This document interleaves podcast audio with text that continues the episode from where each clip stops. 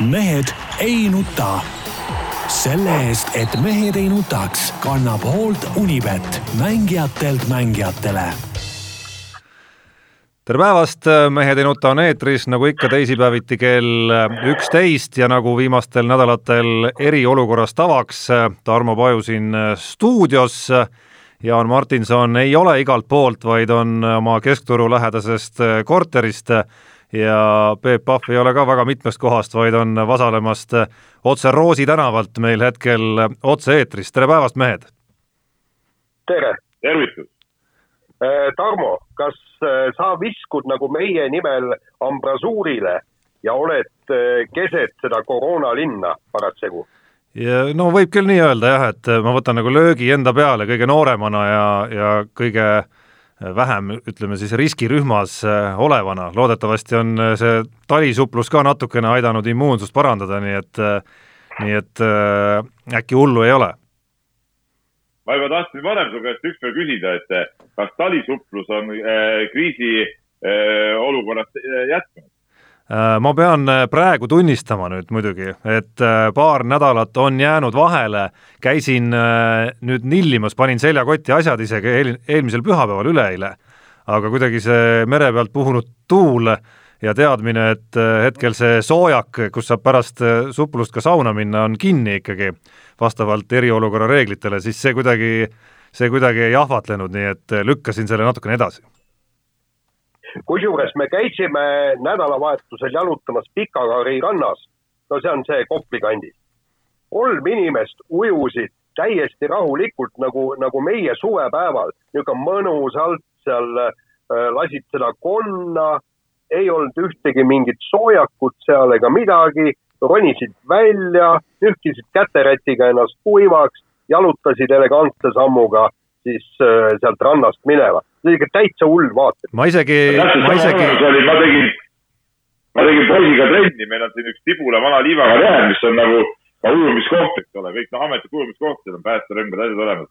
ja tuli ka üks niisugune vanem meesterahvas, jalutas vist mööda, vaatasin, hüppas, võttis riidest lahti, kes ujus, puristas seal tükk aega, ei olnud nii, et korraks sisse ja kohe välja, vaid tõmbas seal ikka krooli natuke edasi-tagasi, seisis seal vees tükk aega, siis tuli välja kuivas seal kalda peal, pani riidesse ja siis ta mööda minnes läks tagasi, ma küsisin, et käid kogu aeg ujumas, jaa, iga päev käin ma, ma isegi ei hakka pretendeerima sellele tasemele hetkel ja rääkima siin eh, kuidagimoodi asja suuremaks, kui see ka on, et eh, et eh, sellest tasemest on puudu hetkel veel palju, olen näinud väga legendaarseid kujusid seal Pirital pühapäeviti käies, kes panevad pea ees sisse ja siis tulevad kolmekümne meetri pärast vee alt välja aga las need mehed elavad äh, oma elu ja see ei ole ka eesmärk kindlasti selleni jõuda, aga rääkige parem teie, kuidas äh, kodus läheb ja ja mis nädal on siis äh, erksamad ka toonud? kodus läheb selles suhtes kenasti, et kuna õhtuti korvpallitrenne ei ole, olen saanud keskenduda isiklikule treeningule sisuliselt iga päev, noh, mõni päev jätan ka vahele, eks ole, aga olen teinud äh, pikki siukseid kiirkõnniringe ja pikemad need ringid lähevad, nii et äh, sellest tunnen, et vorm läheb juba päris heaks. aga peaküsimus, Peep, kuidas läks äh, viiekümnes juubel ikkagi?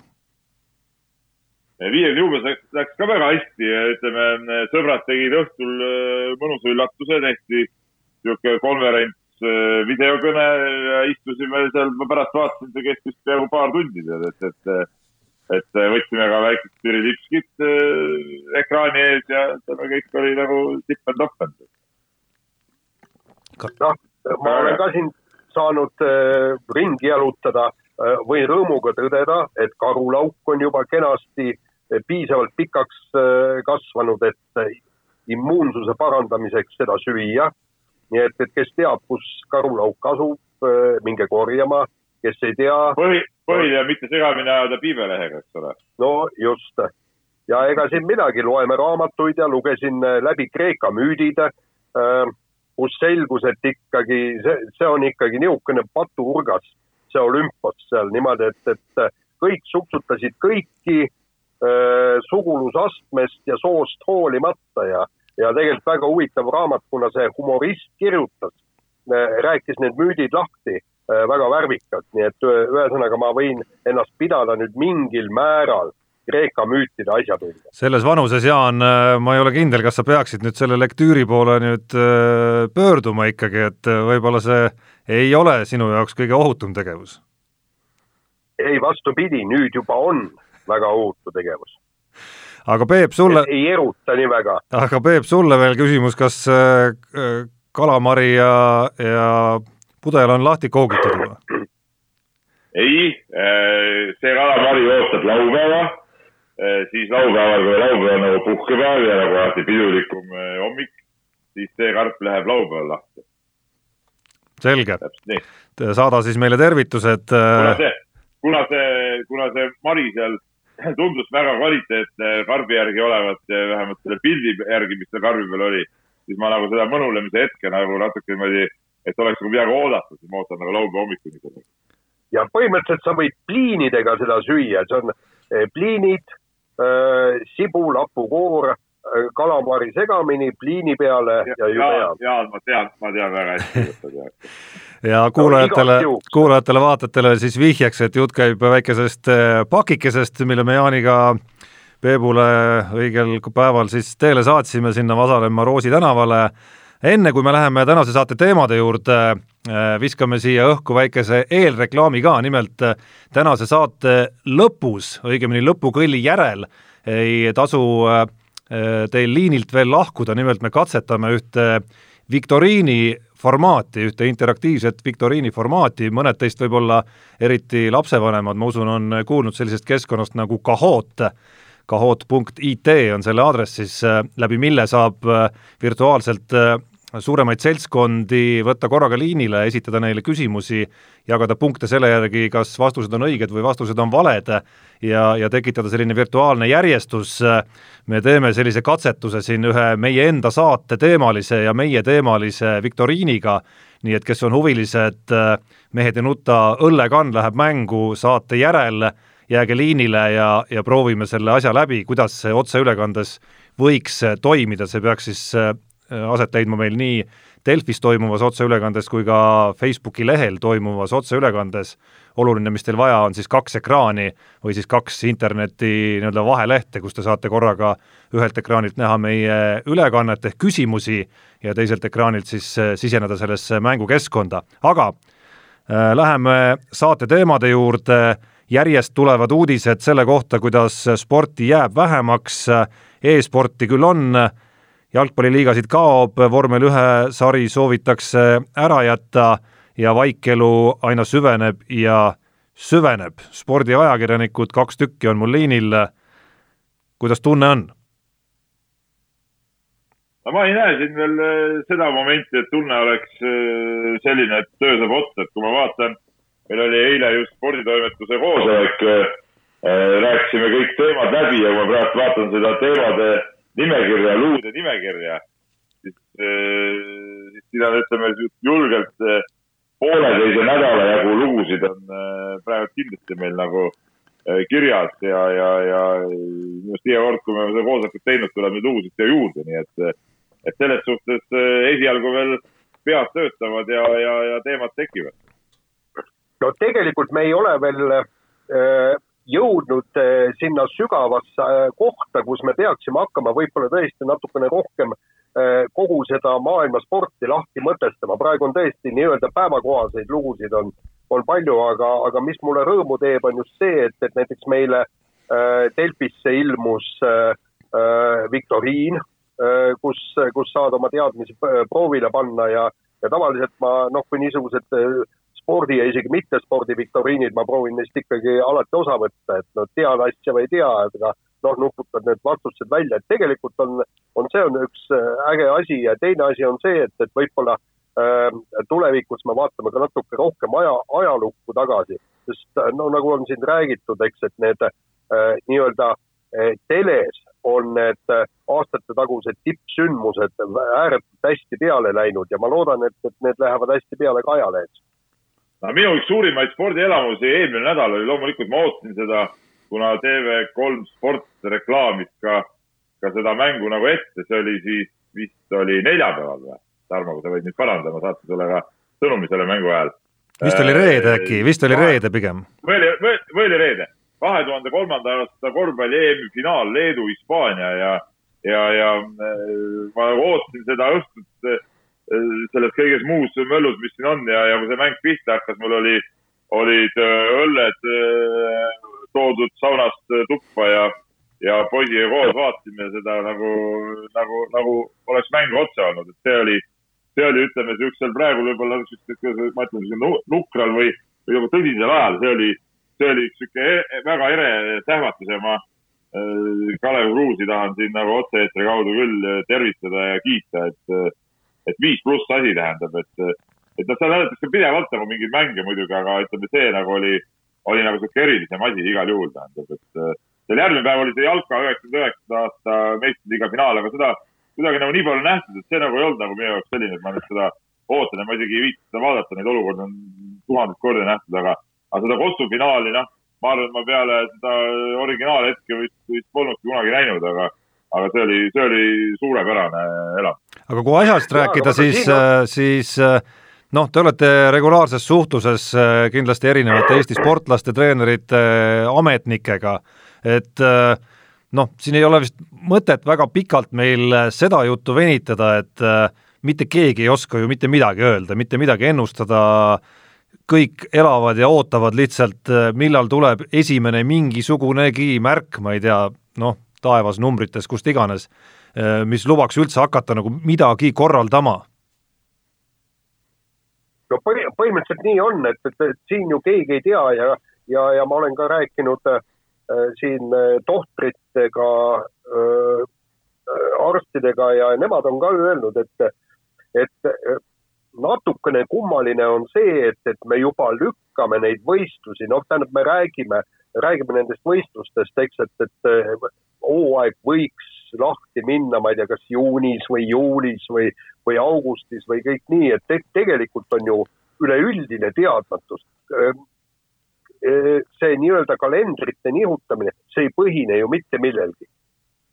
no minu arust on mindud nende kalendrite liigutamisega nagu igal juhul liiale, et kui räägitakse praegu mingitest asjadest, mis suve lõpus nagu noh, ma ei tea, ei peaks toimuma, siis see on, see on ju täitsa täiesti jama, et, et tegelikult no ma olen nagu hingelt ikkagi ülioptimistlik inimene, mina usun küll, et kevade lõpuks see asi siin laheneb ära ja suve lõpus saab, saab igast asju korraldada, et ma ei näe nagu küll põhjust, miks miks ei peaks. Ja kui ma olen siin rääkinud ka nüüd, äh, no meil pärast tuleb juttu sellest korvpalli teemast ka, ma olen siin klubide esindajatega palju rääkinud ja, ja tegelikult ikkagi klubide esindajad ka praegu, jah, nad ütlesid, et praegu muidugi on raske midagi ette aimata ja tegeletakse nende selle hooaja lõppude silumisega, aga samal ajal ikkagi kõik nagu arvestavad ikkagi sellega ja räägivad jutu sees kogu aeg kumab läbi mingid mõtted nagu, mis, mis nagu sügisest võiks nagu saada ja kuidas olla, et, et ikkagi valmistutakse selleks, et see, kõik need hooajad ikkagi lähevad jälle käima, et, et, et selles suhtes, noh, ma ei tea, ma, minu arust me ei peaks nagu tegema praegu nii, et, et jätame, jätame siin suve lõpuni või, või vaata, et terve aasta kõik spordivõistlused lükkame edasi. see oleks nagu totter no ja, aga ütleme nüüd niimoodi, et, et tõsine ja tavaelu hakkab pihta ju alles siis, kui on äh, välja töötatud vaktsiin. et see, see haigus ei kao ju kuhugi vaktsiini on veel vaja. ei, miks ta ei kao kuhugi, no kui, kui tal ei ole enam äh, võimalik levida, kui me siin oleme piisavalt hästi, peame oma karantiini asju, siis, äh, siis ta lõpuks ju lihtsalt hääbub ära sa oled minu arust, Peep, äh, kuidagi, kuidagi natuke liiga optimistlik, et et noh, küsimus on selles, et mingiks ajaks sa saad ta kontrolli alla, aga kui sa siis jälle kõik inimesed vabaks lahti lased, siis, siis see asi hakkab uuesti levima olukorras, kui ravimeid ja vaktsiine veel olemas ei ole, et mul on, minu, minu kahtlus on küll selline, et et noh, vähemalt selle aasta lõpuni mingisugused piirangud kindlasti jäävad, nüüd on küsimus lihtsalt selles, et on need piirangud nii karmid, et, et üldse ei saa näiteks spordimaailm jälle edasi üles ärgata või on mingil kujul see ikkagi nagu võimalik, noh näiteks mängides mänge ilma suurte publikuteta ja, ja nii edasi ja nii edasi, et et ma arvan, et sammhaaval kuidagi niimoodi see asi hakkab lõdvenema aga millal, täiesti võimatu öelda. Tarmo, sa oled il, ilmselgelt liiga pessimistlik, ma arvan. liiga pessimistlik. ma arvan, et ma olen realist, Peep, pigem. Ei, ma arvan, et eh, no mis, mis aasta lõpuni, no mis nalja teed. ükski viirus pole nii kaua kestnud, mis see siis peaks nii kaua kestma no ükski viirus no, ei ole ka see viirus, Peep, ükski viirus ei ole ka sellisel, sellise hooga levinud vähemalt nendest kõik viimastest. kõik on ära, ära vajunud ju lõpuks. jaa, aga no nende seesama no,, nende seesama nii-öelda nagu nakkumisvõime on olnud ka hoopis teistsugune ikkagi, aga ärme päris epidemioloogide pärusmaale mine siin. Jaan.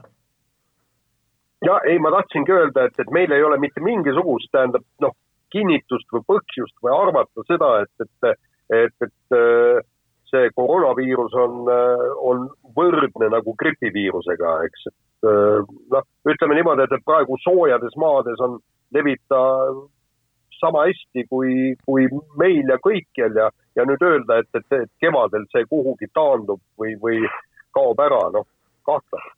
Aga ma teen väikese. mis toimub seal Hiinas ja kohtades, et seal ju läheb ju asi paremaks no seal on läinud asi paremaks ikkagi väga räige karantiiniga, et seda, mis edasi saab, me ka ei tea. aga ma tahtsin teemat vahetada ja viia selle jutu praegu olümpiamängude juurde, mis on natukene konkreetsema fookusega ja kus ennustada nii palju vaja ei ole. lähtuma eeldusest, et see jääb nüüd paika, olümpiamängud lükati ümmarguselt aasta võrra edasi, järgmise aasta juuli lõpus peaks need algama ja päris huvitava küsimuse ees on nüüd ikkagi spordimaailm ja kogu olümpialiikumine, et mismoodi see olümpiale pääsemine peaks käima olukorras, kus äh, olümpiakvalifikatsioon enamikel aladel oli ju täies hoos ja pooleli, osad olid jõudnud normid täita, osad olid äh, nii-öelda virtuaalsetes ja mitte veel lukku läinud tabelites äh, noh, sisuliselt kindlustanud, osad nagu meie vehklemisnaised näiteks olid kusagil seal joone peal, et mismoodi seda kõike nüüd hakata nii-öelda nagu paika panema olukorras, kus ühel hetkel äkki saab selgeks, et et millal saab edasi võistelda ja, ja mismoodi, mismoodi spordielu edasi läheb?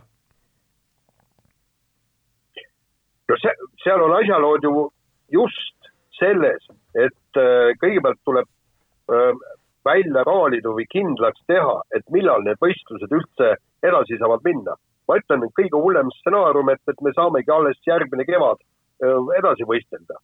ja, ja siis lihtsalt kõik need asjad on ju praegu külmutatud ja kõik, kõik algavad siis kevadel nii-öelda uue hoo ja hurraaga pihta.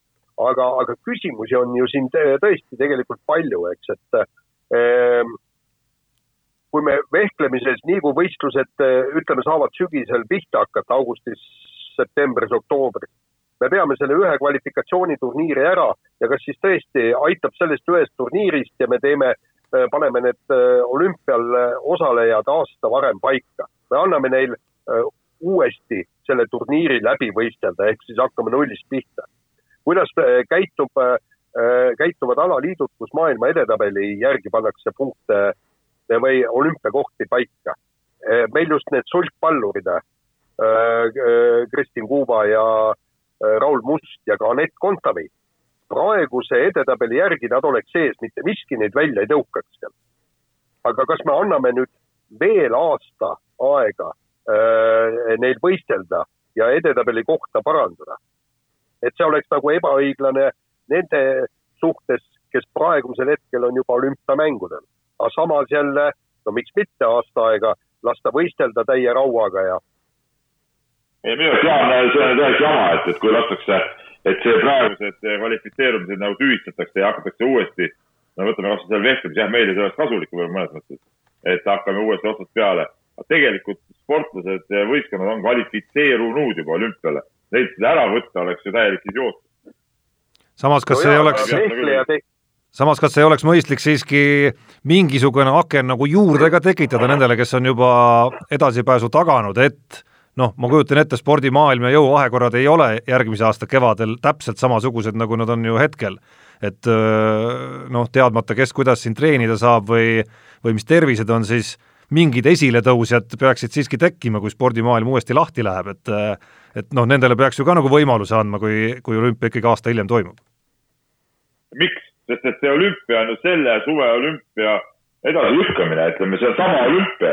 Ta ei ole ju Tokyo olümpia kaks tuhat kakskümmend üks, ta on ju tegelikult Tokyo olümpia kaks tuhat, kaks tuhat kakskümmend. no kas või sellepärast, et, et, et, et olla olukorras, kus kõik paremad on ikkagi olümpial kohal just täpselt, ma tahtsin ka seda öelda, et, et pärast tuleb eh, mõned sportlased, noored sportlased, kes on ja mitte ainult noored sportlased, kes on tõusnud eh, oma ala absoluutsesse tippu, nad on olnud, näiteks tulevad nüüd äh, kuskil kevadel, järgmine kevad toimuvad äh, tiitlivõistlused, MM-id, EM-id, nad tulevad maailmameistriks, aga neil ei ole olümpial kohta.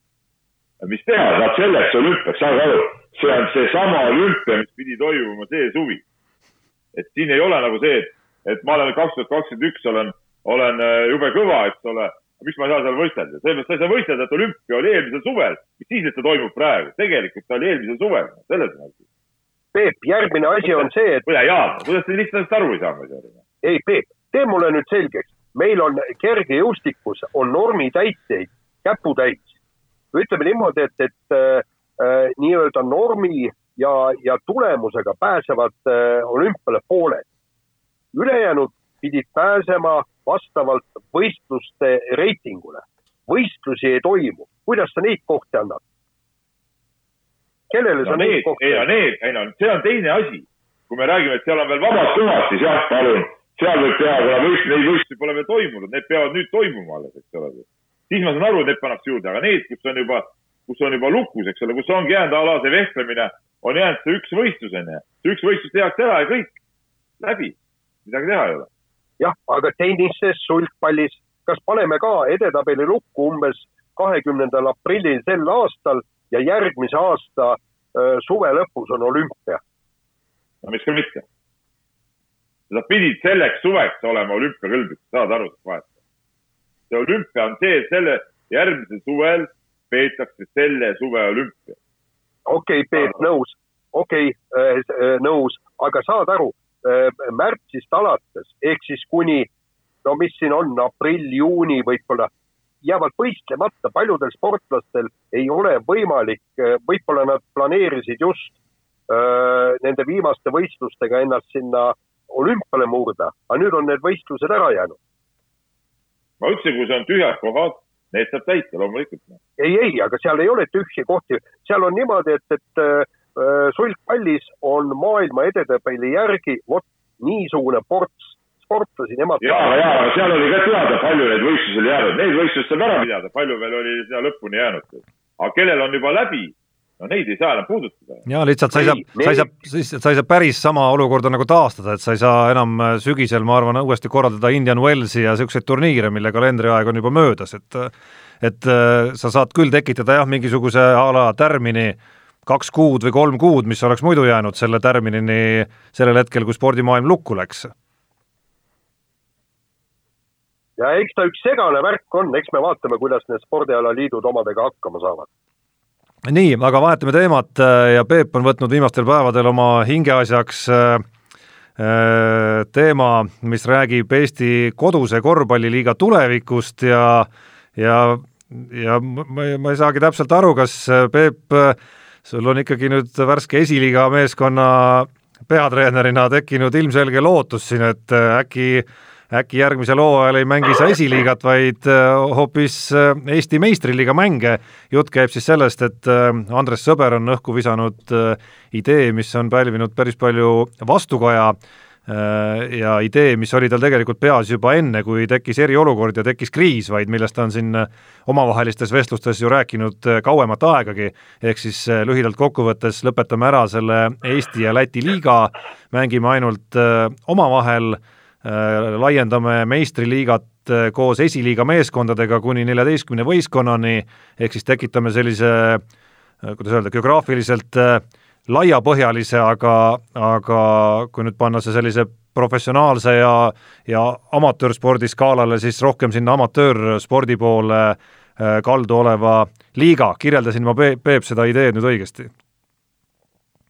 no nii ja naa tähendab, siin ega, ega täpselt seda ideed, ega mina ei tea, mina ei ole ju idee autor ja, ja, ja selles suhtes eh, ega siin neid küsi-, küsimusi ja asju on nagu palju, aga põhimõtteliselt eh, kui me lähtume nagu praegusest olukorrast, siis ma üldse ei välista, et, et see meistriliiga umbes selliseks lähebki ja, ja tegelikult eh, ma ei näe nagu võimalust, et meistriliiga klubid suudaksid koguda ütleme selle aastaga sarnaseid eelarveid järgmiseks hooajaks ka, et see on nagu ilmselgelt ebareaalne et äh, tegelikult ikkagi on, on seis selline, et, et raha on vähe, ütleme majanduslangus tuleb ju nii ehk naa, ükspuha, millal või kuidas me selle äh, viiruse lõpetame, noh, tegelikult hullem asi on ju see veel see majanduslangus mõnes mõttes.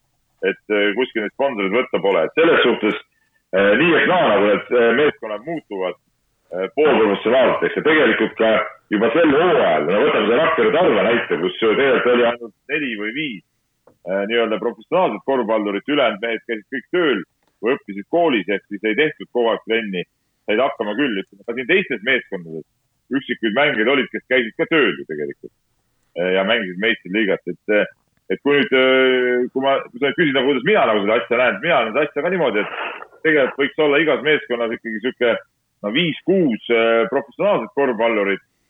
tõsi, need palgad ei saa olla väga suured, ütleme, ma arvan, et palgad, ütleme, parematel mängijatel jäävadki sinna tuhande, tuhande viiesaja euro vahele.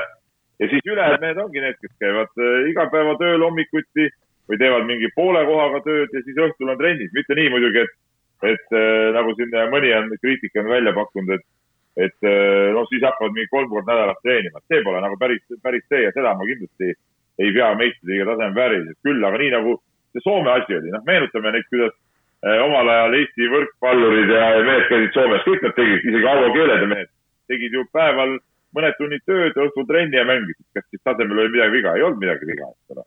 et, et sai niimoodi, niimoodi teha küll. et see, ma arvan, ma arvan, et paratamatult me seda teed lähme. kas see on nüüd neliteist võistkonda, sellesse ma ei usu, et neliteist võistkonda tuleb, et äh, küsimus on ikkagi selles, et, et isegi seda, noh, selleks on ikkagi vaja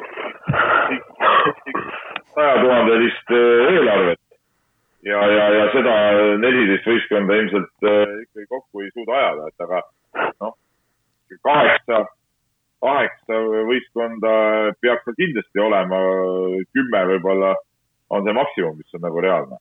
ja teine asi, ma tõesti ei usu väga, et meil õnnestub seda Läti liigat praeguses olukorras hoida, nii palju, kui ma olen kuulnud, ka juba enne seda kriisi. no mul on seal Lätis ka tuttavaid noortetreenereid, kellega ma olen nagu rääkinud ja, ja, ja Läti klubidel on väga rasked ajad ja, ja noh, see Jurmala lõpp, noh, see oli ka ette teada, et Jurmal niimoodi läheb. aga seal on ka suurtel klubidel, samad Ogred, isegi Riia VEF-id, Ventspilsid, seal on väga-väga suured rahalised raskused, Liepajad ja värgid, et, et ma ei usu, et Eesti-Läti liigast edasi hästi saab. pigem ikkagi jääbki sihuke kaheksa kuni kümme Eesti satsi, kes siis peavad põrutama, no ma ei tea, mina pakun neli ringi, see mängude arv peaks, peaks olema, olema ikkagi suurem kui praegu no mina sellest vaimustusest niivõrd osa ei ole saanud ja, ja kuidagi kaasa ei ole ka läinud sellega, tõsi, siin peab vaatama nagu seda arutelu nagu kahest vaatenurgast, et üks arutelu on see idee kui selline üleüldse ja teine on see, et milline on meie reaalne olukord, kui suvi hakkab jõudma oma teise poolde ja saab üldse aru, mis spordielu ja mis korvpallielu elab ja, ja, ja millised võimekused üldse majanduses ja spordis alles on, et võimalik, et nii Eestis kui ka Lätis olud sunnivadki mingi sellise lahenduse peale ja me peame lõpuks näpuotsaga lugemagi neid klubisid kokku, kes üldse on võimelised ütleme siis midagigi professionaalse korvpalli sarnast Eestis püsti panema, aga jättes see eriolukord nagu välja, siis äh, mina Andres Sõbra kriitikat Eesti-Läti liiga aadressil küll nagu väga ei jagaks ja sellel põhjusel, et,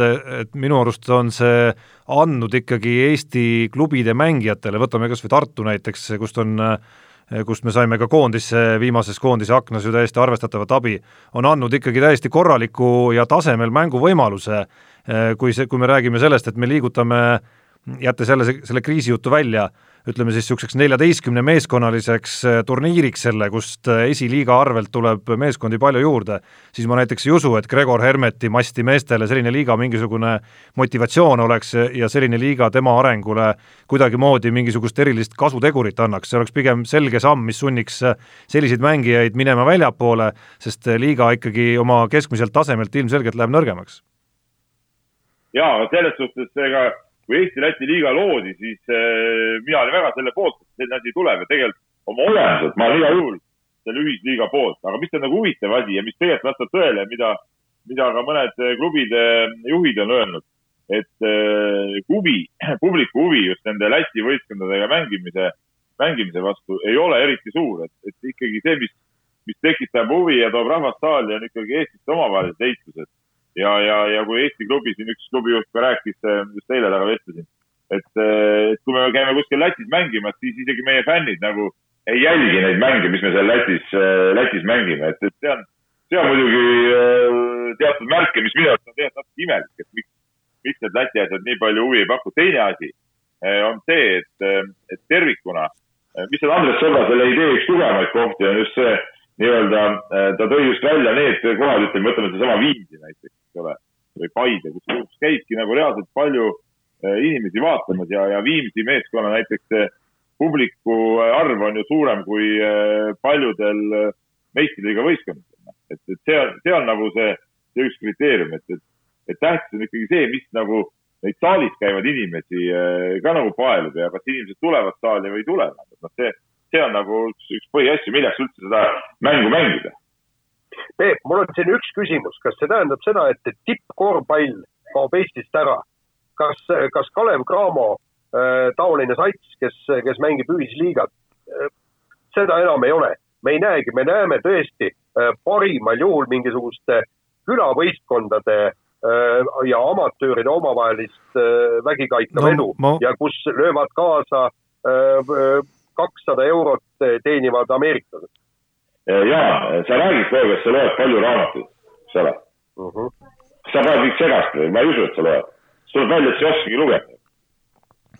et sa ei lugenud ju läbi ju seda äh,, seda ideed. Kalev Cramo jätkamine oli igal juhul nagu äh, seal kirjas, et Kalev Cramo peaks äh, mängima VTB liigat, mingit eurosarja ja liituma siis võib-olla play-off faasis. Tartu peaks mängima näiteks eurosarja ja kohalikku liigat, eks ole. et, et ütleme, see tippkorv, oota, see tippkorvpall peab igal juhul säilima, ütleme need uudised, mis tuleb praegu Kalev Cramo rindel, vot need on, vot need on väga ohtlikud uudised ja väga, väga halvad uudised. igal juhul peab Eestis säilima niisugune tipptasemel meeskond, nagu on Kalev Cramo, äh, peaks olema, noh, Tartus ikkagi meeskond, kes üritab äh, kuskile eurosarja saada, nii nagu nad üritasid ka sel hooajal. See peab igal juhul säilima, muidu, muidu meil ei olegi nagu päris korvpalli enam. ja siis see... ongi need samadest nendest tavalistest klubidest, need paremad vennad pürgiksid lõpuks ka sinna Kalevisse. no praegu ei ole nii, et kõik tahavad Kalevisse saada, see aeg on ju maha käinud, mitte ei ole praegu nii nagu vanasti, et, et, et kõik tahavad Kalevisse minna mängima. et aga, aga, see peaks niimoodi olema, et see peab igal juhul säilima. teine asi, mis on, on see, et kogu aeg räägitakse, et meil ei ole nagu mängijaid ja, ja kellega me seda mängime. Ja loomulikult, kui tuleb neid eh, satse rohkem ja, ja, ja see supp läheb natuke lahjemaks, see on selge, eks ole. aga no toomegi neid nooremaid äh, mehi sinna siis peale ja las nad siis mängivad ja pärast me kasvatame mõne aastaga seda mängijate baasi palju suuremaks. et siis on nagu sunnitud, oleks sunnitud neid kasutama ja neil tekib võimalus ka areneda. praegult ikkagi treenerid, eriti Eesti treenerid, võrreldes näiteks lätlastega, kui te neid vaatate kuidas lätlased kasutavad noori, kuidas eestlased. Et äh, me isegi treenerid ikka praegu ei, väga ei julge neid kasutada. Peep, aga tee mulle selgeks, kus võtab Tartu ja Kalev Cramo raha, see on see küsimus. et, et, et nagu jumal annaks kuskilt maalt mingisuguse papi, et meil saaks need kaks, kui teised meeskonnad ei suuda raha kokku saada, kuidas siis see Tartu saab, kuidas siis Cramo saab? Aga Cramo on siiamaani saanud ju, võrreldes teistest ikka suurem eelarve kokku ju, miks ta edaspidi peaks saama? no Kalev Cramo no,, Kalev Cramo, Jaan, selles vaidluses on nagu noh, mõnes mõttes nagu eraldiseisev äh, kuidagimoodi teema minu arust, et see, see, kas nemad jätkavad ja kas äh, nii-öelda superklubi meie mõistes ka alles jääb äh,, noh, see otseselt ei puuduta seda teemat nüüd, et kas meistriliiga on meil neliteist, on lätlastega koos või ei ole. et Kalev Cramo ilmselgelt ei hakkaks Viimsite ja ja ma ei tea, Keilaga regulaarsel äh, moel mängima, kui just hiljem Eesti meistrivõistluste play-off'is kokku ei lähe, aga noh, mida ma ikka tahan nagu korrata, on see, et, et liigat nagu selliseks viies, kuigi jah, olud võivad sundida peale selle, ma ei näe, et Eesti koondise kandidaadi staatuses mängijatele oleks see nüüd nagu väga hea põhi, mille pealt tulla ja olla koondisele näiteks äh, selline nagu äh, mänguvõimeline mees Euroopa meistrivõistluste valikmängudeks, et see natukene, see tase jääb ikka nagu lahjaks, on minu arvamus selle kohta ja kui sa sellest publiku osast räägid, siis noh, need publikud on ju tegelikult, need pealtvaatajad on ju Viimsil juba olemas. selleks ei pea Viimsi hakkama mängima meistriliigat, et seesama rahvas endiselt saali tuleks, et ka esiliiga mängudel on see ju olemas ja mitte ainult Viimsil, ka Keilal näiteks teises liigas. jaa, ma arvan, mida liiga kõrgemal, seda rohkem see publikut tuleb kohalikust ja noh. ei, ma ütlen, et ega ei, ma ütlesin, küsimusi on palju, selles suhtes, et, et ma kindlasti ei ütle seda, et, et see nüüd äh, niimoodi, kindlasti niimoodi päris minna ei saa, nagu, nagu Andres Sõber seda välja käis. aga ma ütlen, et siin nagu üks, üks alternatiiv äh, nendele asjadele, kui, kui meil raha nagu ei ole, see, see igal juhul nagu on, et selge see, et me ei saa jätta ju ka niimoodi, et kui tõesti tuleb välja näiteks, et Läti kukub ära. me ei saa ju kuue meeskonnaga hakata mängima seda meistriliigat jälle, see on ju ka jama. miks ta jama on? Miks ta jama on? kunagi oli NHL, NHL oli kunagi no, kuue meeskonnaga no,. kunagi oli igast asju, on ka Eesti meistriliiga kuue võistkonnaga. Tarmo mäletab seda ju ka väga hästi, sama hästi kui mina. ei olnud häda midagi kusjuures. no ei, no sel ei ole ikkagi nagu mõtet, no tegelikult sellisel juhul, kui me jätkame ainult Eesti klubidega, siis juba tuleks saada see ring laiemaks, seda meelt ma olen küll igal juhul. et siis oleks nagu, asjal oleks rohkem kandepinda, oleks rohkem äh, tähelepanu erinevates paikades. Asi oleks igal juhul huvitav sel juhul, mingi kuue võistkonna vahelist äh, puterdamist, ma ei tea, ilmselt peavad siis kuus ringi omavahel mängima, et mängude arvu täis saada no see, sel ei ole mingit mõtet. jah, samas me ei saa välistada ka olukorda, kus äh, näiteks äh, sügise lähenedes ja, ja oletame siis, et nii-öelda korvpalli üldse on võimalik uut hooaega alustada, on meil, ma ei tea, Lätist kolm-neli, Eestist kolm-neli, kokku kaheksa näiteks võistkonda, kes ikkagi on suutelised ja tahavad mängida ikkagi sellisel kujul, kus, kus ütleme, me saaks nimetada neid profivõistkondadeks, sellisel juhul oleks mõistlik need ikkagi ju kokku panna omavahel, et et sellel tasemel mängijatele see väljund anda, panevad nemad hoopis kahe ringi asemel neli ringi ja kasvab ka mängude arv ja, ja ei pea me seda no, liigutust tegema. isegi neljast, kaheksa võistkonnaga jääb isegi neljast ringist väheks. see on ju kakskümmend kaheksa mängu põhiturniir ainult, see on, see on sama, sama naljanumber nagu praegu. selles suhtes sinna peaks ikkagi veel rohkem mängima noh, Eesti omad omavahel, Eesti omad omavahel näiteks võivad siis rohkemgi näiteks mängida, teha veel mingi selline eristus sinna sisse. no see on mingi variant jah, et, et kui, kui niimoodi teha, jah. aga selge on see, et kuidagi peab see, midagi nagunii muutub, see on nagu selge, aga mis täpselt, ega seda on nagu raske hinnata. nii, laseme kõlli märkamatult oleme kolmkümmend kuus minutit täna juba täis rääkinud, enne kui läheme kiire vahemängu juurde, tuletame siis meelde saate algul räägitud, et saate lõpus, kes on huvitatud osalemast meie suures eksperimendis, interaktiivses virtuaalses viktoriinis, kus küsimused käivad meie enda kohta, siis saate lõpus ärge kaduge liinilt, otsige endale valmis kaks ekraani, kas siis arvuti ja telefon või näiteks kaks internetibrauseri tääbi, kus te ühest näete küsimusi ja teisest saate vastata.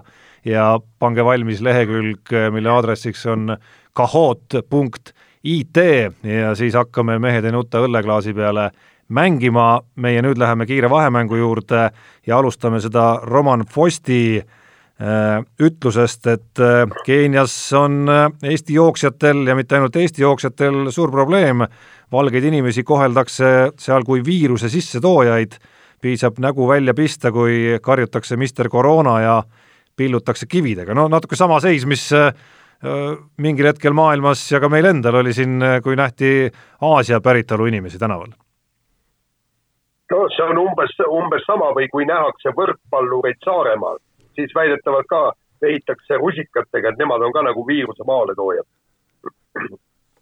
no eks see on, see on, ütleme, inimeste reaktsioon on ju tegelikult äh, paratamatu, et igal juhul niisuguseid reaktsioone tuleb, kui, kui arvatakse, et nüüd, et see viirus on, ütleme, just Euroopast äh, tuleb sinna Aafrikasse, noh, siis on selge, et nad sedapidi, sedapidi reageerivad, kui kui see viiruse kolle oleks seal omakorda Aafrikas ja me näeksime neid äh, siin kuskil Euroopas liikumas, ma arvan, et oleks jälle vastupidi, et et siin ei olegi küsimus, et ma, ma ei nimetaks seda mingiks rassismiks või asjaks, et see on, see on lihtsalt niisugune emotsionaalne kurse ja see on nagu paratamatu. no eks ta on selle hirmu ja paanika osa eelkõige, et ja, ja noh, mida, mida võib-olla äh, harimatumad on need äh, inimesed, seda võib-olla siis reljeefsemalt see paanika nagu väljendub ka, nagu Roman Fosti siis äh, kirjeldas, aga natuke sarnasel teemal, aga mitte päris, ikkagi koroonaviiruse Äh, varjundiga on enamik neid äh, teemasid, mis meil siin ette tuleb, Elerin Haas, kõrgushüppaja, on siis rääkinud, et teeb hetkel kõike, et pärast lahutust lapsega toime tulla ja majalaenu maksta, äh, ripsmed, massaaž, kohvimasinate hooldus, kui vaja, läheb ka ehitusele tööle ja suvel ta seal täpselt ka oligi. no ütleme, et, et Eesti naine on kõva, et äh, Eesti naine suudab elus hakkama saada, Eesti naine suudab kõik oma lapsed üles kasvatada ja, ja ka mehe üles kasvatada, kui vaja on, tegelikult lihtsalt hurraa. muud ei ole mitte midagi öelda. ja ma tean isegi ühte naist, ma tean isegi ühte naist, kes on nii kõva, et ta on äh, päris äh, hea hulga aastaid kannatanud ära Peep Pahvi ja siis ma tean ühte naist, kes on veel Jaan Martinsoni ka suutnud ära kannatada. ma ei teagi, kumb kangem on. ei, absoluutselt. ei ongi kõik kanged. ei no ma, mina mõtlen, et minusugune tore ja charmantne noormees, et siin ei ole mingit kannatust, et see on, see on ikka puhas nauding olnud. Huvitav, äkki sa, äkki sa kutsud teisest toast proua Pahvi korraks liinile. Ja teeme Jaaniga väikese küsitluse. Proua Pahvil on praegu koosolek ja ta viibib saunamajas, kus mina eelmine kord eh, saate ajal viibisin. Nii, aga meie vahetame teemat, Valgevene hokikoondise treeneril on oma nipp koroonaviirusest hoidumiseks, peske käsi, käige iga päev saunas ja jooge sada grammi viina, no neid äh, rahvameditsiini äh, pärleid on siin äh, ja nende viskajaid on, on kogu selle viiruse leviku kuude jooksul muidugi igasuguseid välja ilmunud ja olgem ausad, et enamik neist, kes ühel hetkel on siin rääkinud hanerasvast ja, ja ma ei tea, millest veel, on mingil hetkel ikkagi natukene hakanud mõtlema, et, et võib-olla see nii lihtsalt ei käi siiski. nii lihtsalt ei käi, oota, oota Jaan. nii lihtsalt ei käi, aga need, need, need ütleme, ravivõtted ei ole kindlasti valed, sest et ega arstid on ju öelnud, et tegelikult ega siin mingit muud ravi ei olegi, tavaline ülemiste hingamisteede ravi on see põhiline, mis, mis tuleb kodustes tingimustes teha. kui, kui sa ei ole nii raskelt haigeks jäänud, et sa lähed, sind viiakse haiglasse ja tuleb seal mingit kopse ventileerida. on nii ju aga neid ongi ju tavaliselt võtnud hanerast, küüslaug. Tarmo, ma tean, sa oled eh, nüüd minu järele läinud ka küüslaugu parteisse. iga jumala päev peab tegema seda. Kirilipski, igal juhul, eks ole, vajalik desinfitseerida. Ütleme ära siin kõik, et selles suhtes eh, ma ei naeru, naeraks küll neid välja ja, ja ei öelnud see vana Helme ka midagi valesti selle hanerasva kohta tookord, et, et eh, igal juhul see on külmetushaiguste ravi, soojaveevann, eks ole, kõik, kõik need asjad, et, et ei, siin ei ole ei ole midagi, et need on õiged asjad, millega saab leevendada, kui see haigus on, ütleme, kergemalt peale tulnud. No ja tegelikult vaatame Valgevenet, seal ju kogu sport toimib, seal ei ole mitte midagi seisma pandud. järelikult on nendest kõikidest vahenditest väga kasu olnud. ei no seal ju Patja Lukašenko ütles ära, talisport on see, mis ravib, eks ole, mängime hokit, see on puhas tervis, eks ole, karge õhk, kõik jutud. et, et vaata sedasama, Tarmo, sa käisid seal vee sees suplemas, see on täpselt sama asi ju, näed sulle pole midagi külge hakata, sind me julgeme isegi sinna stuudiosse lasta. Et nii on. jah, eks siin lõpuks Kõik muidugi, eks siin lõpuks muidugi vaadatakse ilmselt äh, mõne kuu järel, et äh, kelle kelle moodused ja mõtted siin lõpuks siis äh, paremad olid, et hetkel ida pool me näeme siis. aga mis see alternatiiv on, aga mis see alternatiivne ravi sinu arust? ei, ei, ma ei räägi ravist praegu, ma mõtlen nagu sellisest elu seisma panemise strateegiast, et, et kui me näeme, et suurem osa et suurem osa maailmast on seda teinud, siis ida pool me näeme, et äh, pigem äh, sellist asja nagu koroonaviirus ei, ei olegi lihtsalt olemas, vaid on tavaline gripp ja tuleb see hooaeg lihtsalt üle elada, et äh, et, et näis, ma arvan, mõne kuu järel alles, mismoodi siis kes nä-, näppu lõikas või, või kes mitte. aga vahetame teemat, köhiv sportlane, kes dopingukontrolle uksest sisse ei lase, võib saada nelja-aastase võistluskeelu. kas kontrollid käivad ringi ka päriselt? Äh, väidetavalt käivad harva, vähe, aga käivad, aga huvitav on see, et, et äh, dopingureegleid on muudetud ainult ühes punktis.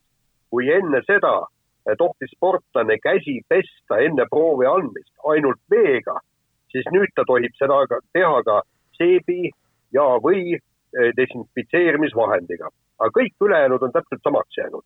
ja kui dopingukontroll tuleb sportlase ukse taga ja noh, nagu mulle äh, asjaomased kirjutasid, et äh, sellel sportlasel võib ju see süstal parasjagu tagumikus just olla, aga siis ta ukse tagant hõikab, et vabandage, ma olen köhin siin ja ma olen ilmselt viirusekandja, siis, äh, siis sellest äh, ei piisa, sest sportlane peab teavitama dopingukontrolle juhul, kui ta on viirusekahtlused või ta on viirusekandjatega kokku puutunud ja, ja igal juhul võetakse ette tõsine uurimine ja ta peab ikkagi näitama, et ta on tõesti haige äh, ja, ja, ja vot sellepärast ei lasknud äh, neid dopingukontrolle sisse. et see on ikkagi, ütleme, dopingukontrollid tahavad asja edasi ajada täie rauaga, kuigi nad seda väga ei tee. ja kiire vahemängu lõpetuseks, aa Peep, sa tahad veel lisada? ma tahtsin öelda, et ma, ei ma tahtsin öelda, et, et loomulikult peab dopingukontroll nagu jätkuma, et, et siin ei ole siin ei ole mingit eh, küsimust, et me ei saa lasta, mõtle, kui praegu kõik sportlased teavad, et dopingukontrolli ei tule, lihtsalt panevad eh, tuimalt praegu eh, pilli, no mis, see läheb täiesti absurdseks. selles suhtes igal juhul mingil määral see hirm peab sportlastel nagu jääma, sest hirm on alati kõige parem vahend, ütleme, niisuguste jamade ärahoidmisel. Peep, aga tingimused oleks siis ju võrdsed, kõik saaksid pilli panna äh,. aga osa, osad võib-olla ei taha tervist rikkuda, ei pane pilli. Ja osadel võib-olla ei ole ka võimekust neid asju hankida ja ja, ja nii edasi, aga kuidagi sujuv on see üleminek kiire vahemängu viimasele teemale, ehk siis äh, doping on ka seal peafookuses, kas Andrus Veerpalu on uue dopingu asja andnud ka spordikohtusse, nagu eelmisel korral, on küsimus, mis siin nädala jooksul on kerkinud õhku? no kõik äh, viidad näitavad selles suunas, et, et jah, nii on toimunud. eile rääkisin meie antidopingu juhatuse liikmega Henn Vallimäega ja ta tunnistas, et see Veerpaluga seis on ääretult segane, et juba kuskilt jaanuarist alates on talle suusaliit rahvusvaheline, kes peab karistuse määrama, on kogu aeg öelnud, et jah, kohe-kohe, kohe tuleb avaldus, kohe tuleb pressiteade, kohe me kuulutame Andrus Veerpalu karistuse välja.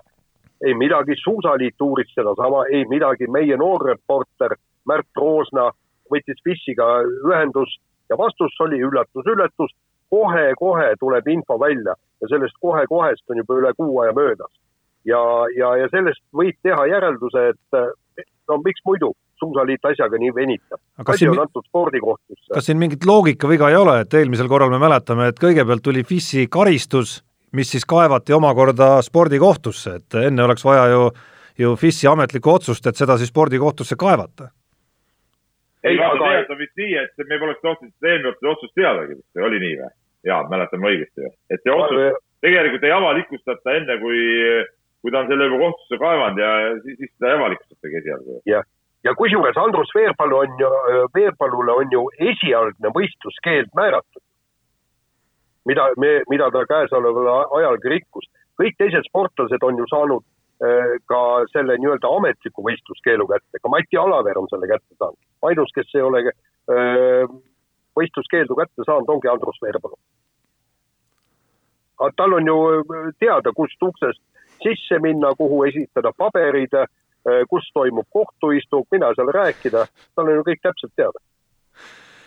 nii, väikene kõll siia vahele. Unibetis saab tasuta vaadata aastas enam kui viiekümne tuhande mängu otseülekannet. seda isegi mobiilis ja tahvelarvutis. Unibet, mängijatelt mängijatele Eh, Tarmo, ma tahaksin siinkohal öelda, et, et see reklaam vist koroona ajal väga ei päde, ma ei ole kindel, et kas me saame need kümned tuhanded otseülekanded eh, kätte mobiilist ja arvutist. Eh, vot seda peaksime küsima tõepoolest üle, aga nii palju olen ma saanud ka ikkagi selgeks, et elu selles vallas ikkagi ei seisa, ma rääkisin eelmisel nädalal meie toetaja Unibeti nii-öelda järjestikku õige ennustatud mängude ütleme siis nagu erivõistlusest, mille võidab see, kellel on äh, viienda aprilli seisuga kõige rohkem ennustusi järjest täkke pandud, ma läksin ise ka proovima muidugi, see iseenesest on tasuta kõik. Äh, ma nüüd täpselt ei teagi, kas see oli Myanmari jalgpalliliiga või, või mille panus see täpsemalt oli, aga igatahes pihta ma sellele ei saanud, küll aga ma vaatan, et äh, täna on tänaste nende, selle, selle mängu siis panuste seas on võimalik valida ka selline, kus mul tekkis äratundmisrõõm. Ja see on siis selline panus, milline meeskond võidab tänase matši ja vastamisi on sellised meeskonnad nagu Mouse Sports ja Virtus.pro ja siin äh, tärkab äh, minu väikene ekspertiisikübe selles, et Mouse Sportsi näol on tegemist ju e-spordi tiimiga, kus mängib meie kuulus Robin Kool ehk Rops, nii et loomulikult ma lähen ja Äh, üritan selle mängu äh, järjestikuste panuste ree peale hüpata ja lähen äh, ennustan, et Mau Sport selle võidab. Virtus Prost ma pean tunnistama, ei tea suurt midagi. kas see ei ole Bologna Virtus Knorri mingisugune tütarklubi või? ei, aga sina, Peep, kui sa tahad täna alustada, siis sa võid ennustada, kes võidab normaalajal tänase matši äh, Soligorski, Šahtjor ja Minski Junost. no Soligorski ja Šahtjor, ma arvan ma arvan ka, et Minski Junost ei saa olla väga kõva klubi, kuna Minskis on, on niigi kaks äh, väga kõva klubi juba vähemalt, et äh, siis ma arvan, et see Junost on mingisugune noorte, seal viitab ka nimi, on mingisugune noorte sats. Et nende peale ei ole mõtet väga panustada. mis need koefitsiendid on, sul on kindlasti ees? ei, seal oli koefitsiente, sa pead lihtsalt pihta panema ja kui saad Aa, pihta, siis on sul nii-öelda ühene võiduseeria, saad järgmise pihta, on kahene ja viiendal aprillil, kui sinu võiduseeria on kõige pikem kõikide mängijate seas, siis võidad äh, oli see viis tuhat või kuus tuhat, kuus tuhat eurot. nii et äh, laske aga käia, aga Jaan, sulle on üks eripanus spetsiaalselt. Tom Brady no., MVP järgmisel hooajal, kakskümmend üks koma null on koefitsient. NFL-ist siis jutt. ah sa pagan Assa pagan, kuule, see on küll hea, hea panus ju. see, see on küll mahlakas panus. miks ta ei võiks saada MVP-ks? sellepärast, et uues satsis Tampa Bay Buccaneersis võib ta nii üht kui teist korda saata, et äh, muidugi enne tuleks vaadata, et, et äh, keda nad värbavad draftist, kelle nad kõik kokku saavad, teha väiksed analüüsid ja kõik, kakskümmend üks, see on, see on väga, väga kena number. et, et, et sinna võiks panustada küll, ma arvan nii, aga Peep, meil on äh, kirjade käes kord, kirju on palju ja oleme rääkinud muidugi suure osa saate aega täis, aga meil piire ei ole. nii, ma, ma kõiki äh, kirju kindlasti sellepärast ka ei võta, siin mõned kirjad üksteist ka, ka kopeerivad ja, ja palju on äh, kirju ka meie eelmise saate selle filmi teemadel, aga hakkame otsast minema. Tamm Tamm kirjutab meile, vana kirjasaatja, kõigepealt õnnitleb mind äh, siis eelmise nädala sünnipäeva puhul ja loodab, et järgmised viiskümmend on sama edukad loomulikult on, ma arvan, veel edukamad. ja küsimus on siis tal äh, teema kohta, kuidas Portugalist äh, toodi tagasi kolme Eesti klubi üheksakümmend jooksjat. et äh, kergejõustikuliidu esindajad tegelesid nende tagasisaamisega ja, ja tema ütleb, et Eestis on tegelikult neli jooksjat, natukenegi tuntud välismaal Rasmus Mägi, Kaur Kivistik, Tiidrek Toormäe ja Roman Posti. ja täiesti tipus on neist ainult Rasmus Mägi aga nüüd see Portugali äh, juhtum nagu lükkab äh, kõik levinud arvamused ümber. Äh, et esiteks tavaliselt ei ole raha klubidele ega alaliitudele raha sportlaste laagrite jaoks, näiteks Kuibo jaoks pidi raha paluma EOK-lt, nüüd olid inimesed seal laagris hoopis, eks ole.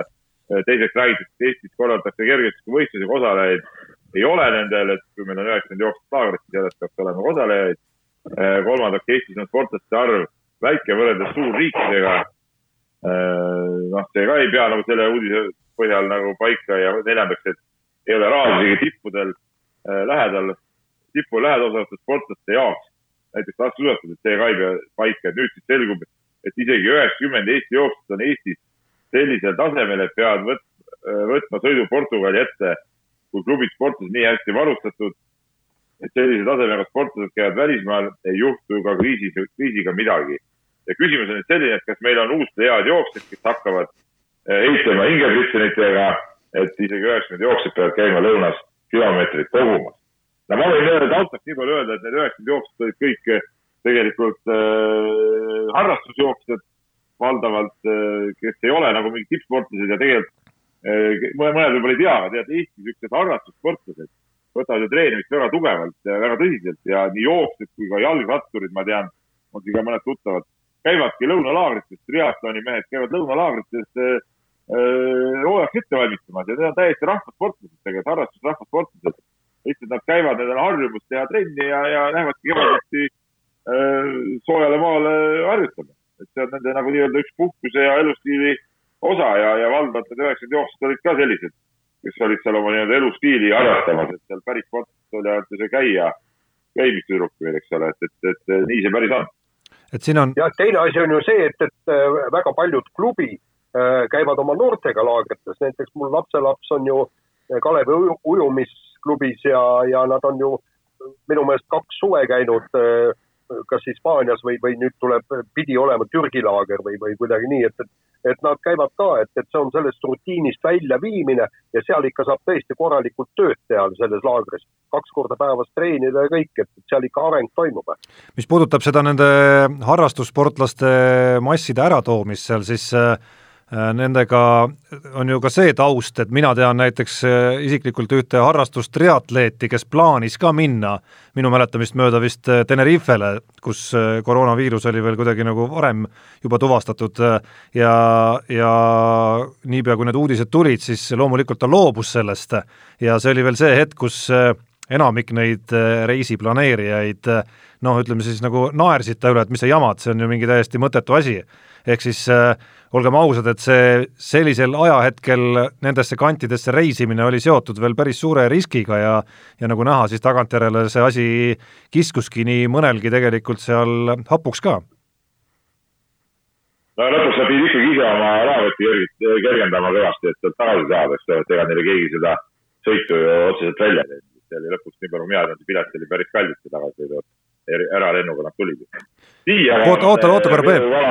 Oota korra, Peep, nii palju, kui see teema juba sinna peale läks, nende harrastussportlaste peale, kes asja nii tõsiselt võtavad, et peavad veel lõunalaagrites käima eh, märtsikuus, siis eh, ma vist ei ole siin saates saatnud tervitusi Priit Pulleritsule, eh, ma olen toimetuses seda juttu vist rääkinud siin, kui toimetus veel lahti oli, viimane ajakiri Jooksja, kui ilmus, siis oli seal Priit Pulleritsu kolumn ja, ja ma lugesin suure rõõmuga Priit Pulleritsu lugu, kust ma sain aimdust, et ta on otsustanud ikkagi nendest noh, nii-öelda nagu ikka minu vaatenurgast vähemalt silmnähtavalt ja kordades üle võlli treenivatest, treenivate harrastussportlaste eh, ringkonnast välja astuda ja saanud aru, et, et seda aega ja, ja tegelikult ka tervist, mida selles vanuses võib-olla nagu selliste mahtudega treenimine rikub, tasub siiski hoida ja aega tasub hoida siis näiteks kas või pereseltsis olemisel, et et tervitan Priit ja kiidan seda otsust kindlasti heaks, et et säilitame ikkagi nagu mõistlikkuse piirid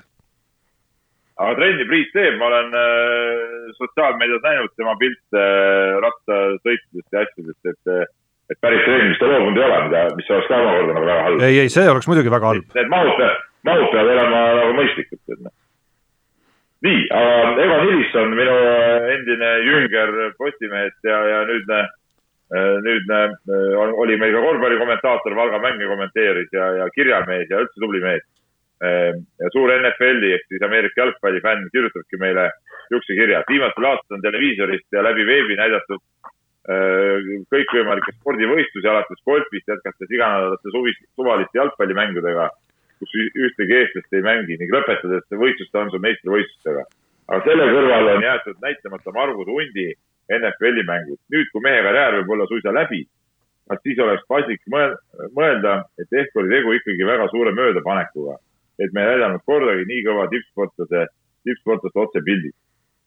no, no. Eh, siin ma võin öelda, ma mäletan, kui ma olin Postimehes ja hunt pääses NFL-i ja siis Postimees ajas seda äh, ülekandeid äh, ja proovis saada sealt NFL-ist neid ülekandeid ja, ja nii palju, kui ma mäletan, pandi lauale ikkagi nii suur summa, et, et lihtsalt ei, ei kannatanud välja ei Postimees ega, ega ka Kanal kaksteist või Kanal kaks, kes seal äh, kõrval oli ja siis, kui meie poolt saadeti, seal oli keegi, kes turundusega tegeles, äh, saatis, et noh, et kuulge, tulge nüüd mõistusele, et, et võtke viiskümmend protsenti sealt äh, sellest summast maha, et, et, et siis me võib-olla suudaksime selle kinni maksta. sealt ei tulnud isegi vastust mitte. ja Tarmo, ma ei tea, kas sina, sina vist ei ajanud neid asju omal ajal? Ah,? ma ei ole isegi kindel, ma, ma pigem mäletan seda, et ma, et me suhtlesime oma, omavahel ja olime nendest andmetest enam-vähem teadlikud ja ja eks siin peab nagu arvestama seda ka, et äh, esiteks eetriajad ei ole kõige sobivamad, need on öösel alati, mis juba oluliselt kitsendab. ei ole e, esimene voor hakkab Eesti aja järgi kell kaheksa esimest, esimene mängude voor ja enamus mänge just sellel ajal ka peetakse, väga sobiv aeg. jaa, aga satub, satub kindlasti ka öö peale neid, on ju? Et äh, no jah. ja noh, ütleme ka need äh, vaatajanumbrid, ma arvan, nagu otseülekandes, ma ei ole kindel, kui suureks need oleksid nagu paisunud lõpuks, et äh, et ma tean, et on olemas hästi ustav vaatajaskond nendel mängudel, aga noh, nagu Jaan kas või ja ma tunnen veel, Martin Šmutov Õhtulehest ja aga nad on kõik ikkagi üsna selgelt harjunud ja orienteeritud ka nendele ülekannetele, mis ülihea kvaliteediga on NFL-i poolt niigi juba tulemas, nii et et äh, ma arvan, et need on ka mingid faktorid, mis, äh, mis hoidsid kinni Eesti väljaandeid äh, nagu lõpuni minemast sellega. nii, võtame järgmise kirja, Priit on selle kirjutanud ja siin on, kirjal on tegelikult nagu kaks osa, kõigepealt ta kirjutab päeva teemal ja ja, ja jutt käib siis piirangutest ja nendest otsustest ja kirjutab nii, et kui oleme maja katused tume maha jäänud ja seda tuleb teha korraga, ei saa me kunagi teada, kas seda oli vaja teha.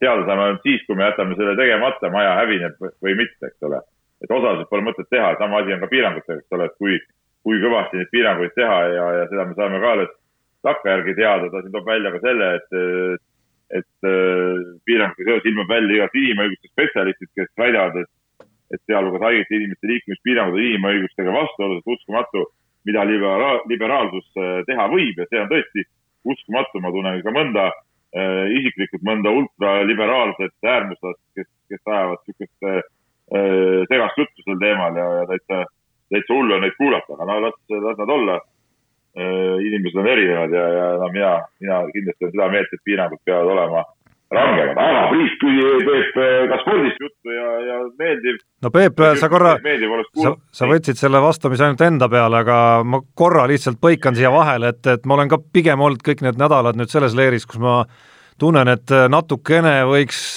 rohkem ja karmimat joont hoida, lihtsalt igaks juhuks kas või. Ja, ja, ja et teist, teisel juhul võib see asi nagu liiga ohtlikuks, see mäng meie jaoks minna, kui seda mänguks saab nimetada, ehk siis mis puudutab eelkõige seda, et ühel hetkel see intensiivravikohtade vajadus lihtsalt kasvab meie haiglate ja meditsiinisüsteemi jaoks üle pea ehk siis eh, noh, kas, kas piiranguid rohkem või vähemalt nende piirangute ellu või nii-öelda nagu jõustamine, mis juba olemas on, et nende kontrollimine oleks eh, karmim ja ja, ja kuidagi nagu vaadataks rohkem ka, et, et neid nagu täidetaks, et see on olnud minu mure viimastel, viimasel paaril nädalal juba. kui tagantjärele selgub, et me nagu tegime varuga neid piiranguid, siis ma muidugi aplodeerin valitsusele, et et nad nagu leidsid selle kõige ideaalsema variandi, aga hetkel olen ma pigem nagu täis ärevust ikkagi, et need ei ole piisavad no tähendab, ma ütlen siin omalt poolt äh, seda, et, et minu meelest peaks kõik viirusekandjad ja, ja põhimõtteliselt need, kellel on äh, määratud karantiin, need ei tohiks äh, vähemalt toidupoodi või kuhugi midagi minna või, või siis äh, kuskil vallavolikogu koosolekule, nagu seltsimees Kalle Pallind tegi. ja, ja. ta oli juba tervenenud, ma tahan rõhutada, jaa ja, ja kus sa tead, et, kus sa tead, et ta oli tervenenud? aga seda me ei saagi teada, sellepärast et seda tervenemise proove tegelikult ei tehta, sellepärast on ka statistikas see lõpetatud lugude äh, number nii väike, et seda äh, ainult, kes on haiglast välja kirjutatud, need kuulutatakse ter ametlikult terveteks. tegelikult on juba palju, ma ise tunnen ka ühte inimest, vestlesin temaga ükskord, kellel oli ka viirus, aga nüüd ta on juba tervena et aeg on mööda läinud, kõik, tal ei ole mitte midagi. aga ta ütles, et ega seda proovi mul ei tehtagi ja, ja seda ongi, mismoodi siis äh, jääbki eluks ajaks karantiini? ei, aga, aga vot siis tulebki, inimesed peavad tegema proovi ja kui proov tunnistab ta terveks, siis ei, palun no, mine marsi välja. jaa, saad aru, seda proovi ei tehta, selles mõttes. miks ei tehta, võiks ju teha Sest.... Neid ei ole ju palju. Neid ei ole ju palju.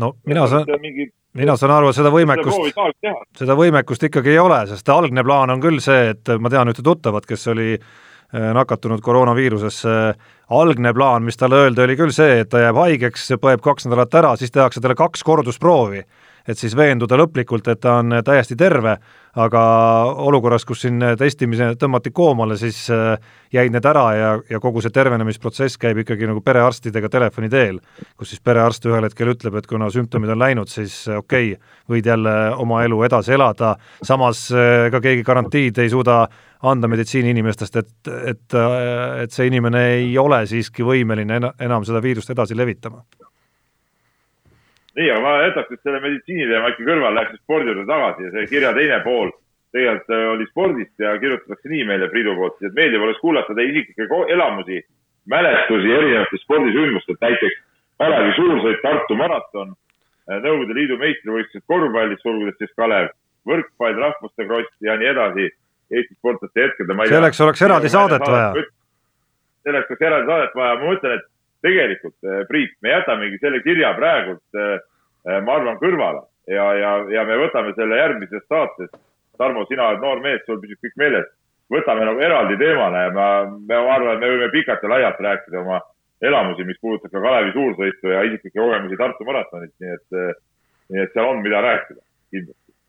nii, aga meile on kirjutanud ka üks meeldiv naisterahvas, Helen ja, ja, ja kirjutab seda meile niisiis, et kõigepealt tänab, et me oleme eetris ja loodab südamest, et püsite terved ja saate oma saadet eh, teha kuni aegade lõpuni, aga tal on eh, üks küsimus, mis puudutab siis Kaia Kanepit.